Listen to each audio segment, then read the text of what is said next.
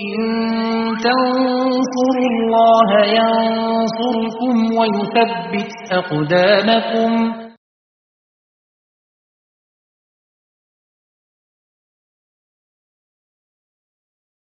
السلام عليكم ورحمة الله وبركاته. إن الحمد لله نحمده ونستعينه ونستغفره. ونعوذ بالله من شرور أنفسنا ومن سيئات أعمالنا. من يهده الله فلا مضل له ومن يضلله فلا هادي له. أشهد أن لا إله إلا الله وحده لا شريك له وأشهد أن محمدا عبده ورسوله. يا أيها الذين آمنوا اتقوا الله حق تقاته ولا تموتن إلا وأنتم مسلمون.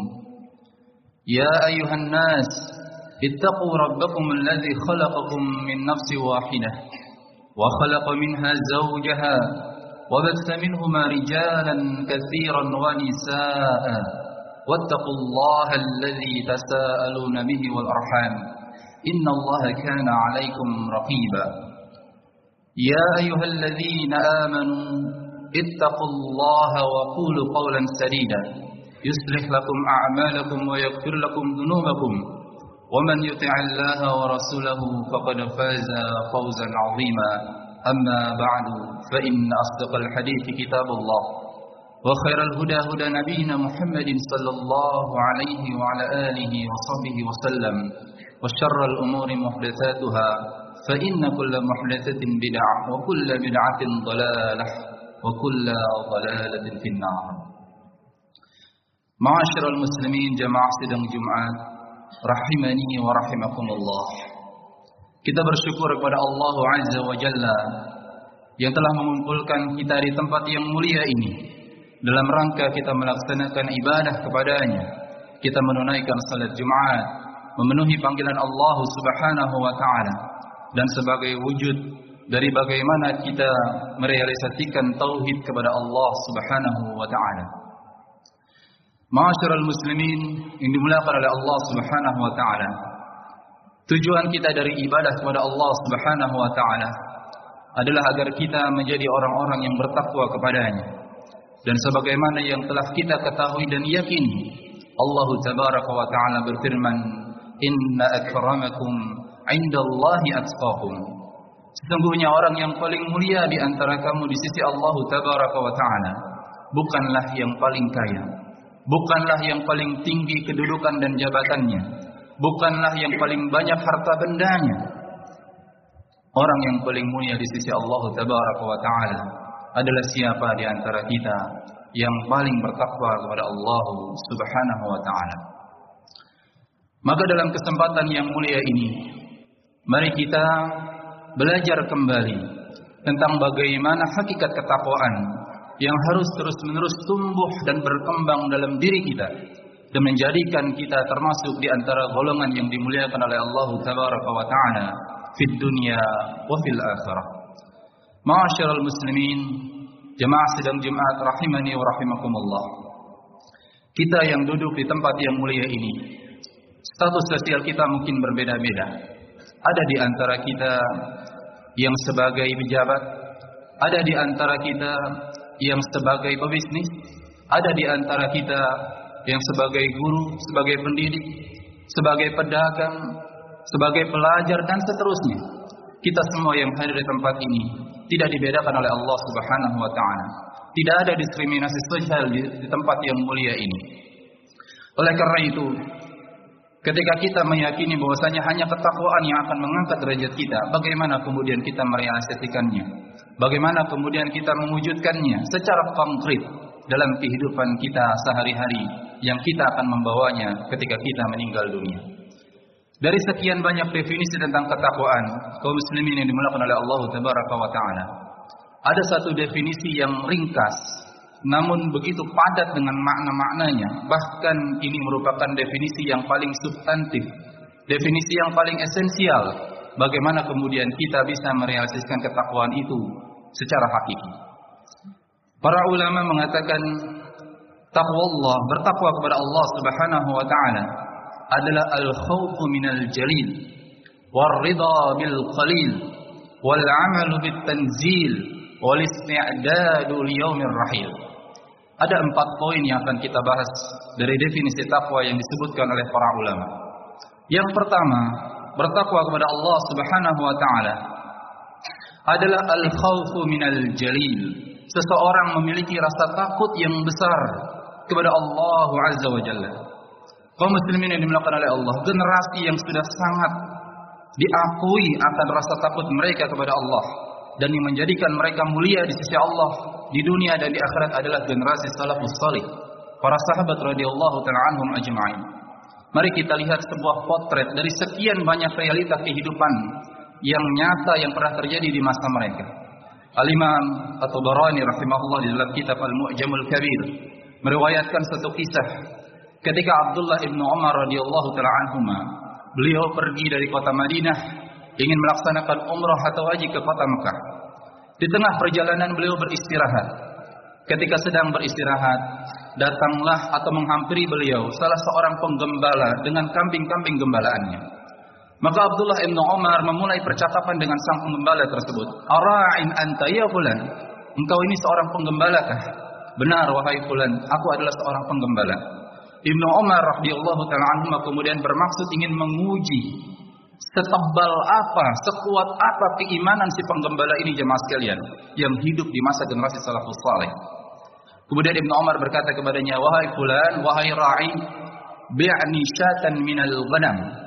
Jual satu ekor kambing saja, satu anak kambing kecil yang ada di kambing-kambingmu itu untukku.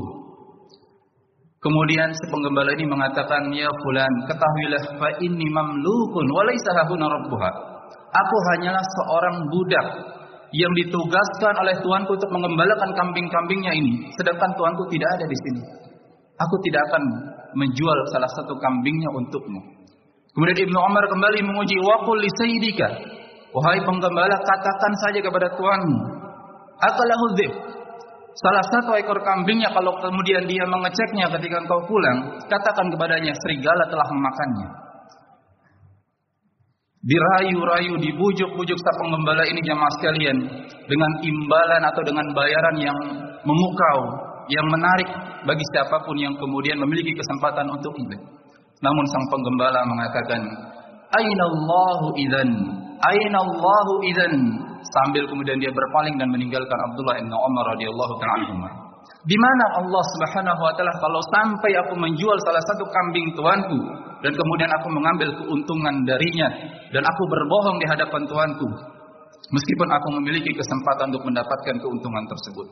Ibnu Umar yang menyaksikan hal tersebut dari sikap seorang penggembala bahkan seorang budak beliau pun tertegun, terkejut, terheran-heran. Beliau pun menangis sambil mengatakan Ainallah, Ainallah dan beliau pulang kembali ke kota Madinah. Kemudian mencari tahu siapakah pemilik dari si budak ini. Kemudian beliau menebusnya, membebaskannya dan memberikan hadiah beberapa ekor kambing buat si budak tadi untuk kemudian menjalani kehidupannya. Itulah potret generasi salaf jemaah sekalian, bagaimana mereka mewujudkan ketakwaan yang hakiki. Di zaman kita ini sangat banyak kesempatan orang untuk berlaku curang, untuk korupsi, untuk kemudian melakukan perkara-perkara yang menguntungkan dirinya dan merugikan orang banyak. Tidak ada yang mengetahuinya kecuali dia dengan Allah taala atau beberapa orang saja. Tapi manakala rasa takut itu kita miliki, maka Allah memuliakan sang budak tersebut. Budak badannya, merdeka jiwanya. Dan inilah bukti nyata bagaimana Allah telah menyatakan wa man yattaqillaha yaj'al lahu makhraja wa yarzuqhu min haitsu la yahtasib wa man yatawakkal 'ala Allah fa huwa hasbu innallaha balighu amri. Siapa yang bertakwa pasti Allah berikan kemudahan jalan keluar dan rizki yang tidak pernah disangka-sangka bagi orang yang benar-benar menunjukkan hal tersebut. Kemudian yang kedua kaum muslimin yang dimulakan oleh Allah Subhanahu wa taala. Bertakwa yang hakiki yang harus kita realisasikan dalam hidup kita adalah waridha bil khaliq. Kita ridha, kita menerima sepenuh hati terhadap seluruh keputusan dan takdir yang Allah Subhanahu wa taala tetapkan atas kita dalam urusan-urusan dunia kita, pada penghasilan dari pekerjaan kita yang mungkin kita merasa sedikit kita mendapatkannya. Kita merasa kurang, kita merasa tidak cukup. Tapi, tapi ketahuilah bahwasanya sedikit banyaknya yang kita dapatkan dari dunia ini itu sudah ditentukan oleh Allah Subhanahu wa taala. Inna Allah la ahadan dan Allah tidak pernah mendolimi seorang pun dalam urusan dunia ini. Allah Ta'ala mengatakan man kana yuridul hayatad dunya wa zinataha nuwaffi ilaihim a'malahum fiha wa hum fiha la yubkhasun. Siapa yang menginginkan dunia saja dari orang-orang kafir Allah penuhi semua keinginan mereka tidak pernah dikurangi sedikit pun dan mereka tidak pernah merasakan kerugian. Bagaimana dengan orang-orang beriman? Ketika mereka merasa penghasilannya sedikit, merasa rezeki yang mereka peroleh sedikit, ketahuilah itu adalah rezeki yang terbaik yang Allah berikan kepadanya. Dan Rasulullah SAW dalam hadis Sahih Muslim dari sahabat Abdullah bin Amr bin As radhiyallahu taala pernah mengatakan, "Qad aflaha Sungguh beruntunglah man aslama orang yang telah masuk Islam wa kafafan diberikan rezeki yang cukup untuk kehidupan dia dan keluarganya. Wa bima atahu dan dia kemudian dikaruni oleh Allah taufik untuk menjadi orang-orang yang hatinya qanaah yang hatinya menerima setiap keputusan Allah tabaraka wa taala. Jemaah sekalian oleh Allah tabaraka wa taala. Nabi kita yang mulia telah mengatakan di dalam hadisnya untuk bagaimana kita menjadi orang-orang yang pandai bersyukur adalah untuk melihat kepada orang-orang yang lebih rendah daripada kita. Jangan melihat kepada yang lebih tinggi. Nabi mengatakan, "La tanzuru illa man huwa fawqakum fid dunya." Jangan kalian melihat orang itu pada orang yang kedudukannya lebih tinggi daripadamu dalam urusan dunia, walakin unzuru ila man huwa fawqakum fid din. Tapi yang kau lihat adalah orang yang lebih tinggi kedudukannya dalam urusan agama dan akhirat. Agar kita tidak menjadi orang yang menderita, agar kita tidak menjadi orang yang hasad, agar kita tidak menjadi orang yang terus-menerus tenggelam dalam fitnah-fitnah dunia. Kaum muslimin yang dimuliakan oleh Allah, Imam Asy-Syafi'i rahimahullahu taala dalam satu syairnya mengatakan, "Idza ma kunta dza qalbin qanu'in, fa anta wa malikud dunya sawa."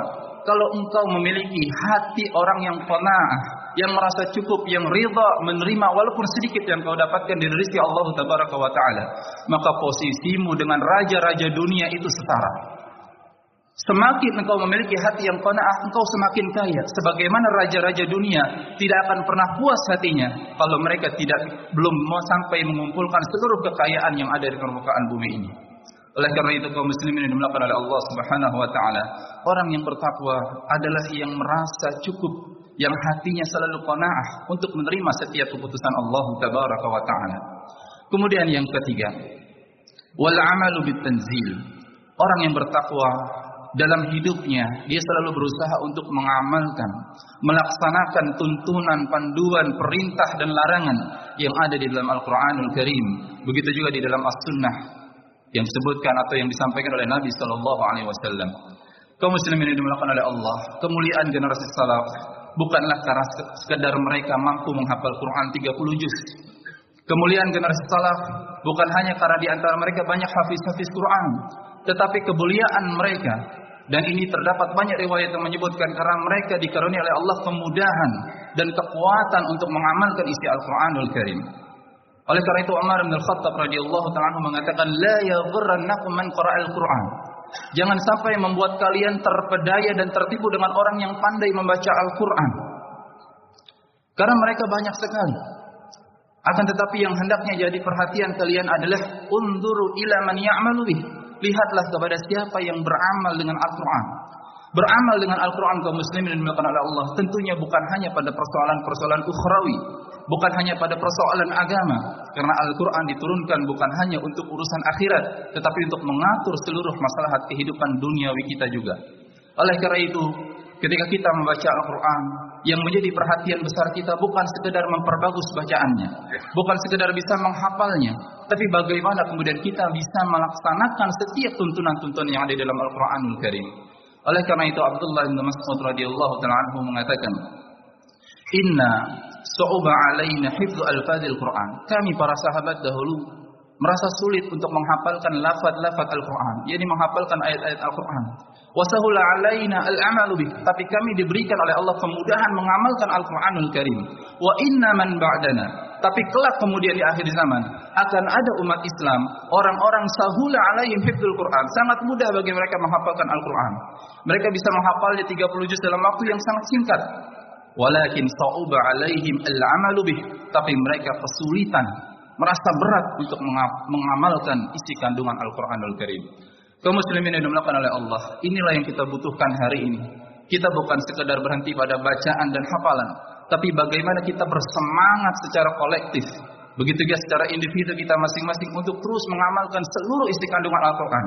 Kita membaca ayat Al-Quran tentang sholat, bagaimana kita sudah menunaikannya. Kita membaca Al-Quran tentang ayat zakat dan sedekah. Apakah kita berkeinginan telah menyiapkan harta untuk sedekah? Ketika kita membaca ayat jihad, tertanamkah dalam hati kita niat untuk berjihad fisabilillah? Ketika kita berbicara atau membaca ayat-ayat tentang tentang mawaris, tentang masalah pembagian warisan, tertanamkah keinginan kaum muslimin membagi masalah itu sesuai aturan dan hukum Allah tabaraka wa taala dan sebagainya. Dan kaum muslimin yang dimuliakan oleh Allah, buah buah kemuliaan dan keagungan yang didapat oleh orang-orang yang istiqamah dan komitmen mengamalkan Al-Qur'anul Karim serta sunnah Nabi sallallahu alaihi wasallam adalah keridaan Allah tabaraka wa taala. Bukti nyata dan konkret kita mengambil flashback sekilas dari sejarah Nabawiyah ketika pada tahun ke-6 bulan Zulqaidah, tahun ke-6 Hijriah bulan Zulqaidah. 1400 kaum muslimin kurang lebih. Mereka berbaiat setia yang dikenal dengan Baiatur Ridwan di bawah sebuah pohon untuk membela, menolong, berkorban hidup sampai mati untuk membela agama Allah, untuk membela Rasulullah sallallahu alaihi wasallam. Mereka berbaiat setia dalam hal Ketika itu mereka ingin umrah, ingin masuk ke kota Mekah, namun dihalangi oleh masyarakat Quraisy. Dan mereka tidak membawa perlengkapan militer. Tidak ada persenjataan dari dari dari mereka. Kalau seandainya perang terjadi, pasti mereka kalah karena mereka tidak punya peralatan perang. Niat mereka datang ke kota Mekah adalah sekedar untuk umrah, melaksanakan ibadah bertawaf di sekitar Ka'bah tapi mereka berbaiat setia kepada Nabi Shallallahu Alaihi Wasallam untuk menolongnya, membelanya sampai mati, sampai titik darah penghabisan. Keinginan mereka itu siapa yang mengetahui? Kalau mereka berdusta, Allah pasti tahu mereka berdusta. Dan Allah kabarkan kepada Nabi-Nya alaihi wasallam, mereka berbohong wahai Muhammad, 1400 orang itu tidak semuanya jujur. Tapi ternyata Allah nyatakan kebenaran akan tekad dan niat mereka dalam surah Al-Fat ayat 18. Laqad radiyallahu 'anil mu'minin id yubay'unaka tahta asy-syajarati fa'alima ma fi qulubihim fa anzala sakinata 'alaihim wa asabahum fathan qariba. Wahai Muhammad, Allah telah ridha kepada mereka orang-orang beriman yang berbaiat bersumpah setia kepadamu untuk membelamu, menolongmu dan seterusnya yang berbaiat kepadamu di bawah sebuah pohon. Allah ridha kepada mereka dan Allah turunkan ketenangan hati pada mereka dan Allah memberikan kabar gembira akan kemenangan yang dekat. Itulah yang akan kita dapat kaum muslimin yang dimulakan oleh Allah. Kalau kita kaum muslimin secara kolektif, secara umum menjadi orang-orang yang benar-benar mengamalkan Al-Qur'an di rumah-rumah kita, di masyarakat kita sehingga sebuah slogan yang sering kita dengar memasyarakat Al-Qur'an itu hanya berhenti pada slogan yang pertama ini. Slogan yang kedua kita tidak lanjutkan yaitu mengal-Qur'ankan masyarakat tidak hanya memasyarakatkan Al-Quran, tetapi kita butuh bagaimana mengalqurankan masyarakat kita. Barakallahu li walakum fil Qur'anil azim. Wa nafa'ani wa iyyakum bima fihi minal ayati wa dzikril hakim. Aqulu ma tasma'un wa astaghfirullah li wa lakum wa li sa'iril muslimin wal muslimati min kulli dhanb fastaghfiru innahu wal ghafurur rahim. Alhamdulillahi rabbil alamin. Wassalatu wassalamu ala nabiyyihil amin. وعلى آله وأصحابه أجمعين أما بعد معاشر المسلمين yang dimuliakan oleh Allah Subhanahu wa taala. Poin yang keempat dari bagaimana kita merealisasikan ketakwaan yang sebenar-benarnya yang menjadikan kita mulia di dunia dan di akhirat. Rezeki kita diberkahi oleh Allah, kehidupan dunia akhirat kita diperbaiki oleh Allah tabaraka wa taala. Adalah al-isti'dadu liyaumir rahil. Kita melakukan persiapan yang sungguh-sungguh untuk menghadapi hari perpisahan, hari perjalanan kita dari dunia ini menuju alam akhirat. Menyiapkan untuk kehidupan akhirat tidak harus menunggu masa tua. Meskipun orang yang sudah pada usia tua memang sudah sepatutnya. Karena sebagaimana dikatakan oleh para ulama, Kafa muadzinan biktirabil ajal. Cukuplah tanda dekatnya ajal. Syababan tawalla wa syaibun nazal. Ketika masa muda telah berlalu dan rambut memutih telah menghampiri di kepala. Wa mautul aqrani wa hal ba'dahu baqa'un man yu'miluhu man aqal. Dan apabila teman-teman sebayanya telah meninggal dunia, mungkinkah masih ada keinginannya, cita-citanya untuk tinggal abadi dalam kehidupan dunia ini? Idza tahalat qurana'ul fata, apabila teman-teman masa mudanya telah meninggal dunia seluruhnya. Ala hukmi rabil manunir tahal, maka sudah satu kepastian setiap orang pasti akan kembali kepada Allah tabaraka wa taala. Oleh karena itu, beristiadat, melakukan persiapan untuk hari perpisahan, tidak menunggu masa tua, tetapi siapa pun kita harus benar-benar melakukannya dengan memperbaiki akidah kita, mempelajari akidah kita dengan akidah yang benar berdasarkan Al-Quran dan As-Sunnah, dengan memperbaiki kualitas ibadah kita, dan dengan membersihkan hati kita. Karena hati inilah yang akan menentukan selamatnya kita di kehidupan akhirat nanti. Oleh karena itu, menutup khutbah Jumat siang hari ini, Al-Imam An-Nawawi rahimahullahu taala di dalam mukaddimah kitab Riyadhus Shalihin membawakan satu syair yang sangat indah dan sangat menggugah. Beliau mengatakan innalillahi ibadan futana talaqud dunya wa khaful fitana. Sesungguhnya Allah taala memiliki hamba-hamba yang cerdas. Hamba-hamba Allah yang cerdas adalah mereka yang melepaskan dunia ini, melepaskan dari segala keindahan-keindahan dunia ini karena khawatir akan fitnah-fitnahnya. Nadharu fiha dan mereka hamba-hamba Allah yang cerdas selalu memperhatikan dan mengamati bagaimana situasi dunia ini yang penuh dengan kekacauan dan penuh dengan fitnah, dengan situasi yang tidak menentu. Falamma alimu annaha laysat bihayyin wa Ketika mereka menyadari dengan sangat yakin bahwa dunia ini bukanlah tempat yang terbaik buat orang-orang yang cerdas itu. Ja'alu halujatan. Mereka menjadikan atau menganggap bahwa dunia ini ibarat lautan lepas, samudra luas yang mereka harus arungi wattakhadhu salihal a'mali fiha sufuna dan mereka menggunakan amal-amal soleh mereka di dunia ini sebagai bahtera-bahtera yang mengantarkan mereka dari alam dunia menuju alam akhirat yang abadi yang penuh dengan kebaikan bagi orang-orang yang beriman yang beramal soleh dan yang bertakwa kepada Allah tabaraka wa taala. Maka demikianlah kaum muslimin yang dimuliakan oleh Allah. Mudah-mudahan bermanfaat atas diri pribadi dan kita semuanya. Untuk kemudian kita terus senantiasa menjadi orang yang bertakwa sampai akhir hayat kita. Melaksanakan perintah Allah tabaraka wa taala, kita bersalawat dan salam kepada Nabi kita Muhammad sallallahu alaihi wasallam sebagaimana Allah taala berfirman innallaha wa malaikatahu yusalluna 'alan nabi ya ayyuhalladzina amanu sallu 'alaihi wa sallimu taslima. Allahumma salli 'ala Muhammad wa 'ala ali Muhammad kama sallaita 'ala Ibrahim Ibrahim wa barik 'ala Muhammad wa 'ala ali Muhammad كما باركت على إبراهيم وعلى آل إبراهيم في العالمين إنك حميد مجيد. اللهم اغفر للمسلمين والمسلمات والمؤمنين والمؤمنات الأحياء منهم والأموات. إنك سميع قريب مجيب دعوات. برحمتك يا أرحم الراحمين. اللهم إنا نسألك الهدى والتقى والعفاف والغنى. يا ربنا لا تزغ قلوبنا بعد إذ هديتنا وهب لنا من لدنك رحمة إنك أنت الوهاب. ربنا آتنا في الدنيا حسنة وفي الآخرة حسنة وقنا عذاب النار. وصل اللهم على محمد وعلى آله وصحبه وسلم تسليما كثيرا. والحمد لله رب العالمين. أقيموا الصلاة.